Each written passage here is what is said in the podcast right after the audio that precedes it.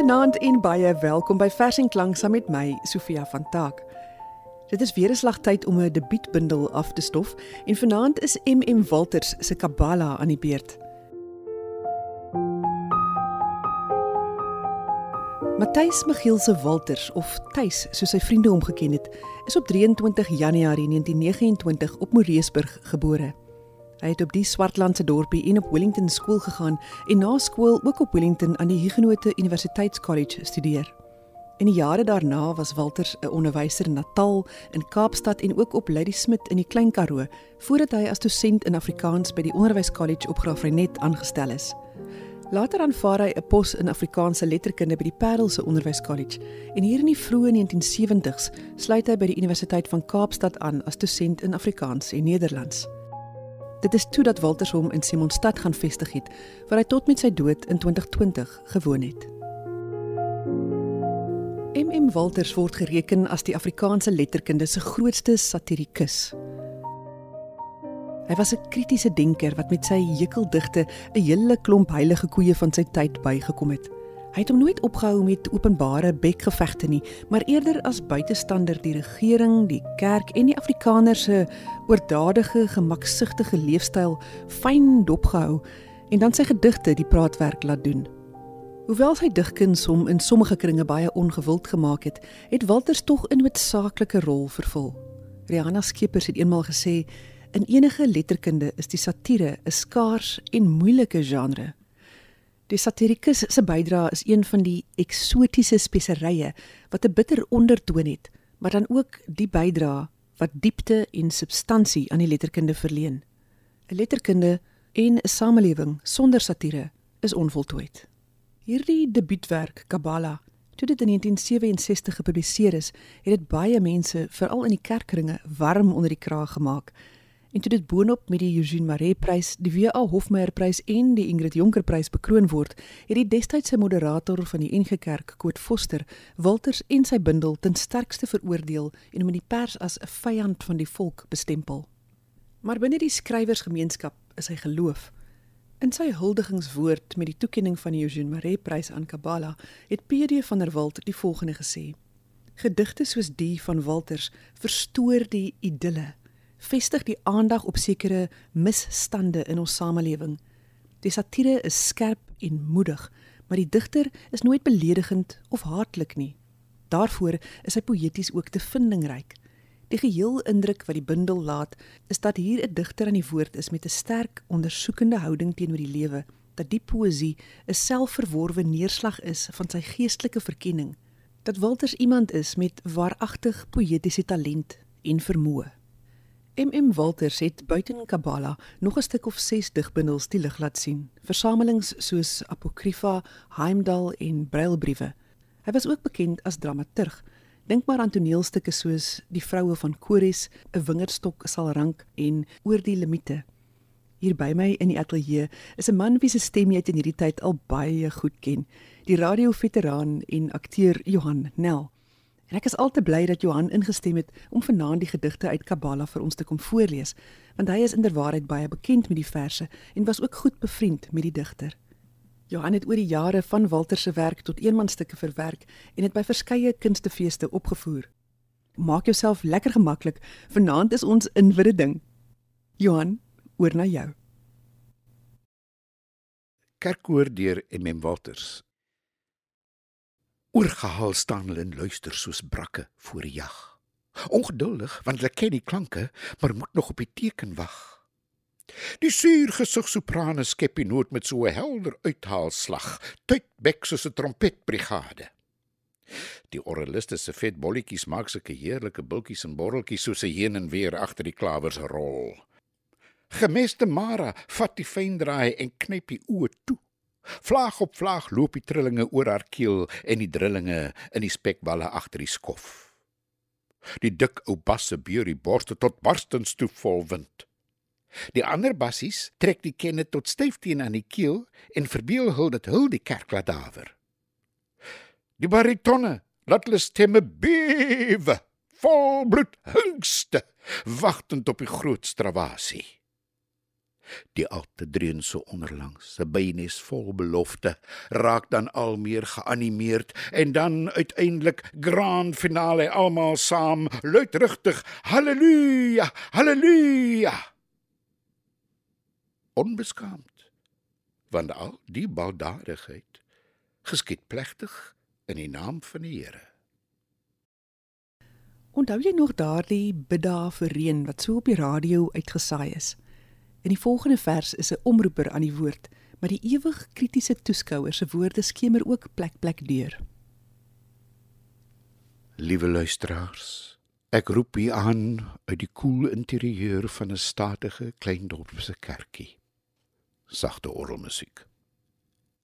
Sopas het ek die gekleurde ruit die minister se rols gewaar en meer gedemp.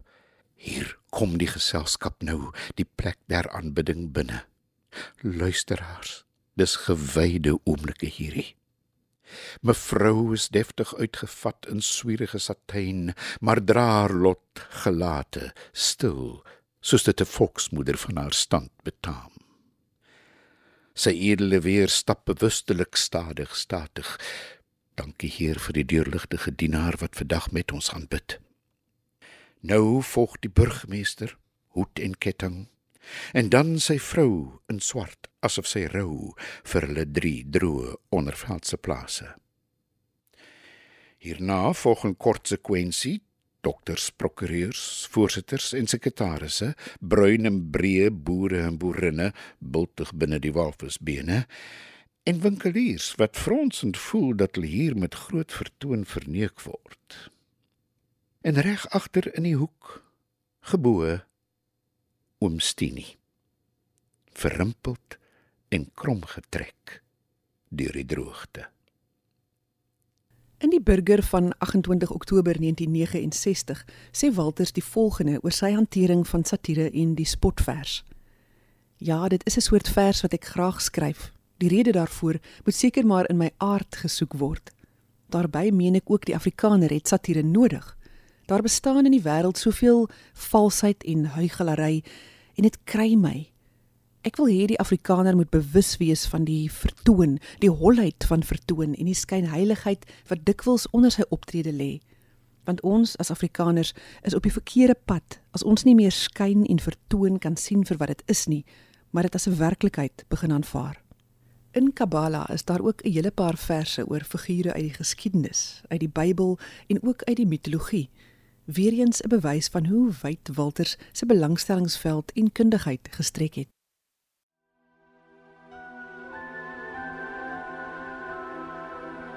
In die Griekse mitologie was die heldhaftige Odysseus glo 'n skierig en buitengewoon vindingryk. Dit was immers hy wat tydens die Trojaanse oorlog voorgestel het dat hulle 'n reuse houtperd vol troepe by die stad se poorte moet los. Na die Trojaanse oorlog moes Odysseus vir 10 lang jare 'n swerftog ter see vol lokvalle en terugslae trotseer voordat hy uiteindelik weer by sy koninkryk kon uitkom.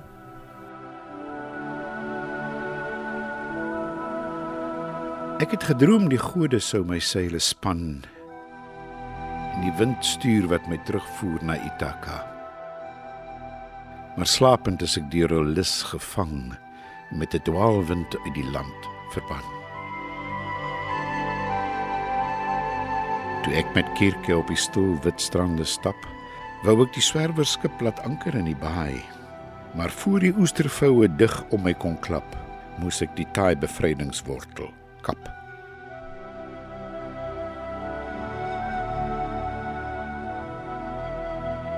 Slegs in Hades sou ek hierna rus kon vind. Maar ek wis voor ek die koel waters binnevaar, sal ek worstel teen see en serene wind, sal hulle my teen die maspaal vas moet bind. In groen lande vol son het ek my vrees verloor vir die heilige goed van die gode. Maar Helios, bevrees dat ek die idylle verstoor, het my verban voor ek sy kudde bekoor.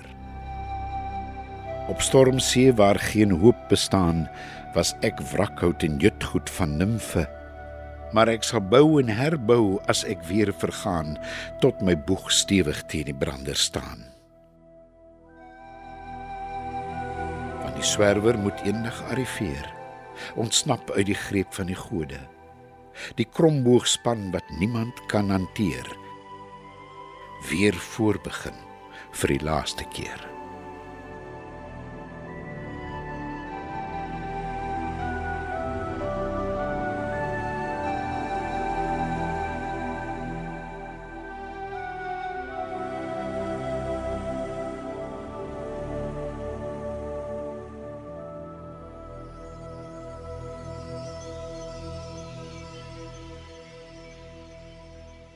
Is ingeskakel by Vers en Klank saam met my Sofia van Taak en die voorleser Johan Nel. En vanaand luister ons na gedigte uit MM Walters se debuutbundel Kabbalah. In die vroeë 1970s het daar so 'n reeks boeke by Tafelberg verskyn waarin Afrikaanse skrywers met mekaar onderhoude voer. Dis heerlike leesstof, want die skrywers deel nogals baie van hulle self, hulle werkswyse en hulle belangstellings. So het Andre P Brink in gesprek met Abraham de Vries verklap dat van sy grootste belangstellings die volgende insluit: verbode boeke, die see, nat blare, antieke meubels, geld, vroue en ritsluiters. Hmm. Ek wonder of 'n mens die vroue en ritsluiters as een inskrywing moet lees. Maar terug na MM Walters.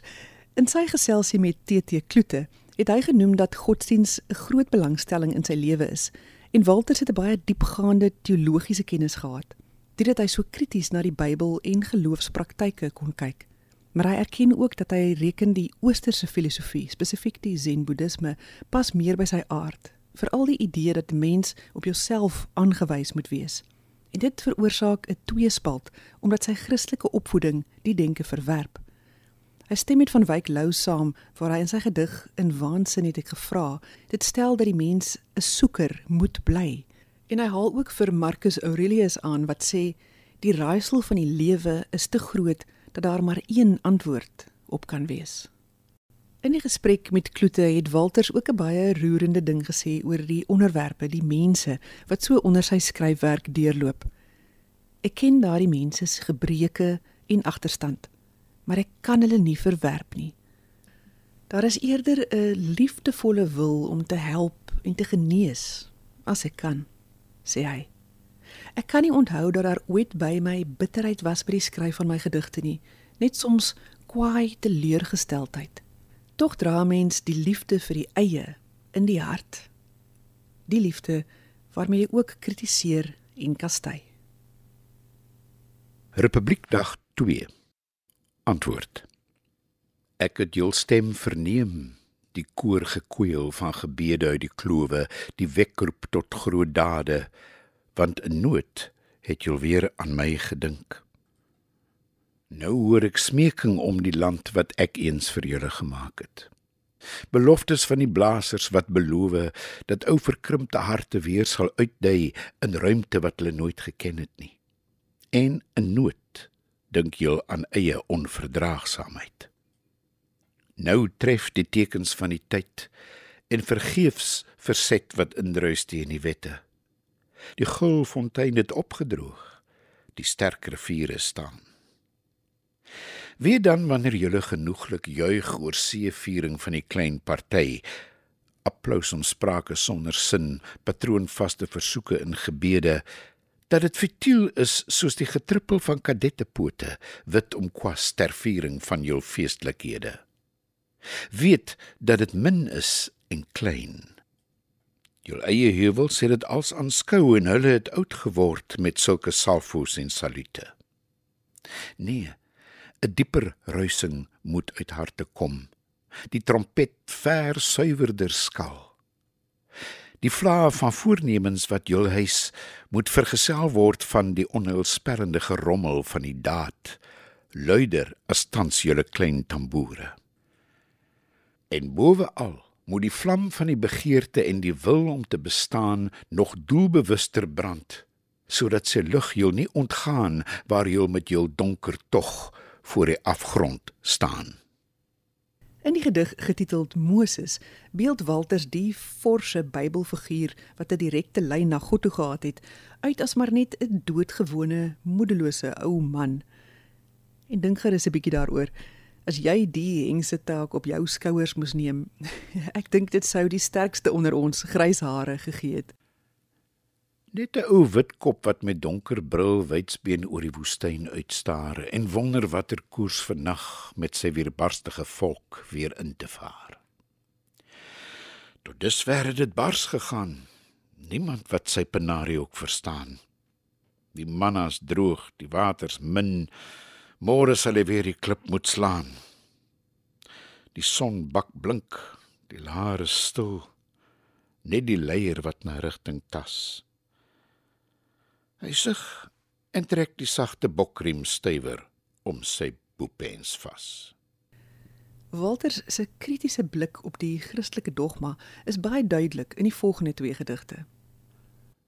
Sint Ignatius. Terwyl die ketting skawe, sal ek skryf 'n loflied op die liefde van Jesus. Ver in die woestyn sleep ek die spore, want ek moet al die smarte ken. Dit is die lot van oudsher af beskore aangesalfdes wat die kroon wil wen. Ek weet van die vuur wat op my wag, die gebarste lippe en die dors, die kruis van eensaamheid in die nag, die hoof wat moeg hang op die bors. Maar die hoogste prys word eers dan betaal wanneer die roofdier my liggaam skeur en maal. Want ek moet meel word, wit en fyn, sodat my volk kan brood hê om te eet. Sendeling Op God se vlaktes, berg en bult, loop die heidene nog vry en wild. Dan kruip hy nader met boek en kruis en plant in elke bygelowige struis die vrese van sy Heer. Op God se vlaktes, berg en bult, leer elke barbaar nou van sy skuld. Toe bloei 'n tuin van hoë torings die straf van God se wit pendorings om die heiden te bekeer. Op God se vlaktes, berg en bult, verwerpel die harde beesvel skuld. 'n Nuwe as gaai kasteel nou. Die woord van God en hou op hou reën God se liefde neer. Iets wat hier in ons land ook goddelike status geniet, is rugby. Kyk, ek skree net so lekker soos enige ander Suid-Afrikaner op die TV wanneer die bokke 'n toets speel, maar party mense se aanbidding van die sport raak soms nogal slagwekkend. Net soos Walter se beskrywing van 'n rugby subunie se jaarvergadering. Dit is die dag waarop sportembleme blou bloed maak van die seënings van tiranne. Die rooi alwyn en moframkop sit galery langs die duwe trop en 'n handvol goue volstruistertvere half verbleik deur hul bekoring, skitter seevieren saam met gier, geel met groen laurier omraam. Rustige beesbakbakante applaudisseer gelyk spontaan, want ons is almal hier vergader in the interest of bright and open rugby. Afgesakte rugbyborste, binnebande van genot, span styf van pure welwillendheid. Bulnek voorry osse vergeet ou fetus, Basel heerlik aan ou kragmetings, vorm suetjies uitverkore groepies, want die regte man moet tog gestoot word. Besembek Mustas stel sy strik vraag en blomkool ore spits. Die voorsitter stil byt aan sy bril en die sekretaris soek die boek van reglemente. Alles geskied konstitusioneel. Die bestuur konfedereer en nomineer, handgalop deur die agenda. Aan die einde verdaag almal na langsaan voor die soda en die bier verslaan. Die volgende gedig vertel van die vrugbaarheidsfees ter ere van die god Saturnus. Die Saturnalia was een van die belangrikste gebeure op die ou Romeine se kalender. Die gedig is waarskynlik een van die verse in Kabbala wat die NG Kerk destyds so ontstig het, want ons hoor van 'n samekoms wat in 'n ruimte soos 'n kerk plaasvind, maar dan heeltemal handuitdruk en in 'n orgie ontaard. Maar hou in gedagte dat feeste soos hierdie lank voor die Christendom se ontstaan al plaasgevind het. Tydens die Saturnalia was almal, selfs die slawe, vry om te maak nes hulle lus kry. Die gehorende God wat die vrugbaarheid beheer, daal een keer per week na die aarde neer. Ook heiliges wil soms die paradys vergeet met aardse broeders swart korintepudding eet.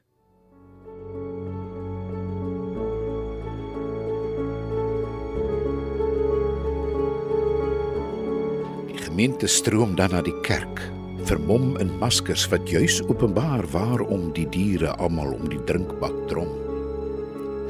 'n Leek lees die mis en breek die brood. 'n Versierde snuiter suig die kersse dood. Dan skreeu almal, spring oor die banke heen en juig oor die rol van die dobbelsteen. Die priester met sy eselskop skop agterop en die hele société joyeuse verdrink hul vrees en sing die donkie serenade.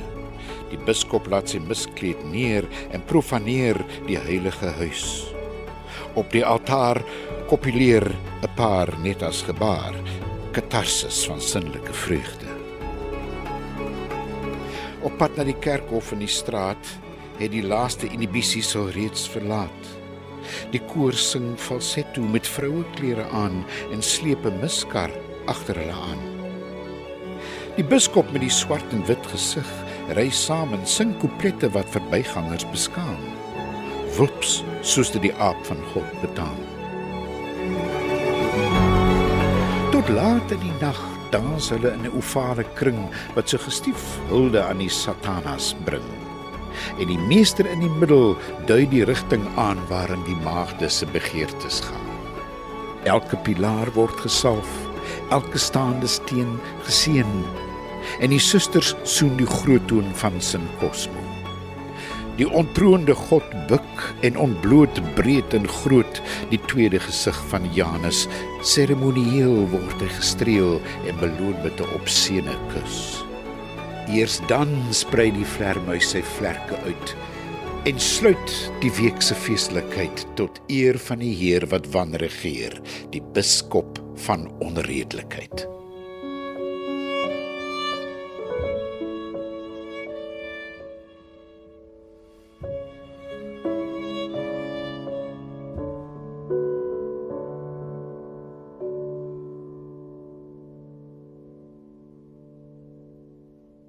Die bundel se titel, Kabbala, verwys na 'n leerskool binne die Joodse tradisie, 'n mistieke mengsel van teologie en filosofie. Aanhangers van die Kabbala is bemoei met die ware misterieuse essensie van die godheid, die heelal en die mensdom. En hulle is voortdurend op soek na insig om dit wat verborge is te openbaar. In die gedig waarmee Johan vanaand vir ons afsluit, word na God as 'n humoris verwys wat so glo ek saam met Walters deernis en dalk selfs ook waardering het vir die ewig soekende mens wat op sy eie manier oor die lewe dink en daarvan probeer sin maak. Ek groet tot volgende week. Hoofnar Vergeef maar die gespot Heer. Beskou dit die gekerm van een wat lank reeds soek en ontferm u oor sy dwaase tasting na die onbekende alles is onseker. Maar een ding weet ek. U is Hemorus. U het my gemaak. Die talent waarmee ek soek, het u geskenk. Vind ek geen antwoord in u boek? U sal nie verdoem, geen siel vervloek, maar guns verleen aan hom wat voortgaan deur die duister en alleen die onbekende voetpad loop. En waar hy verdwaal, met eie onmag spot en skertsend selfs sy God neerhaal